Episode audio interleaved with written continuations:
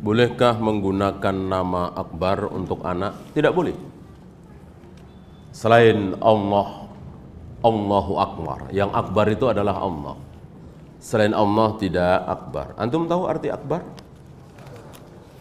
Bukan besar, itu isimnya isim apa? Isim tafdil kan?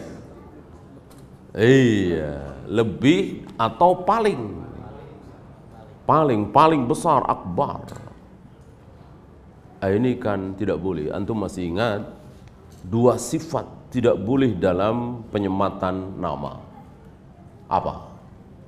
Satu, terlalu rendah. Dua, terlalu tinggi. Terlalu rendah.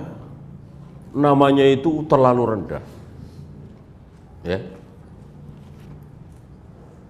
Al-asi misalnya kan. Asi ahli maksiat. Nah, ini nggak boleh. Terlalu rendah ya. Atau uh, al-wahan. Ya, lemah. Siapa namanya? Apes. Nah, ini terlalu rendah ya. Nggak boleh. Nggak boleh juga terlalu tinggi. Seperti Akbar tadi. Kemudian oh, suci. Tidak boleh. Mensucikan diri kan tidak boleh. Ya.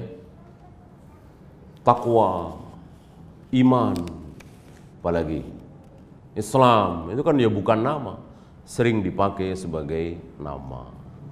Ah, maka nama itu yang pertengahan, biasa-biasa saja. Nama Nabi, nama sahabat kan biasa-biasa. Ibrahim, Ismail, Adam, Yusuf, Umar, Utsman, Zubair, Tolha, ini kan biasa-biasa, nggak ada artinya.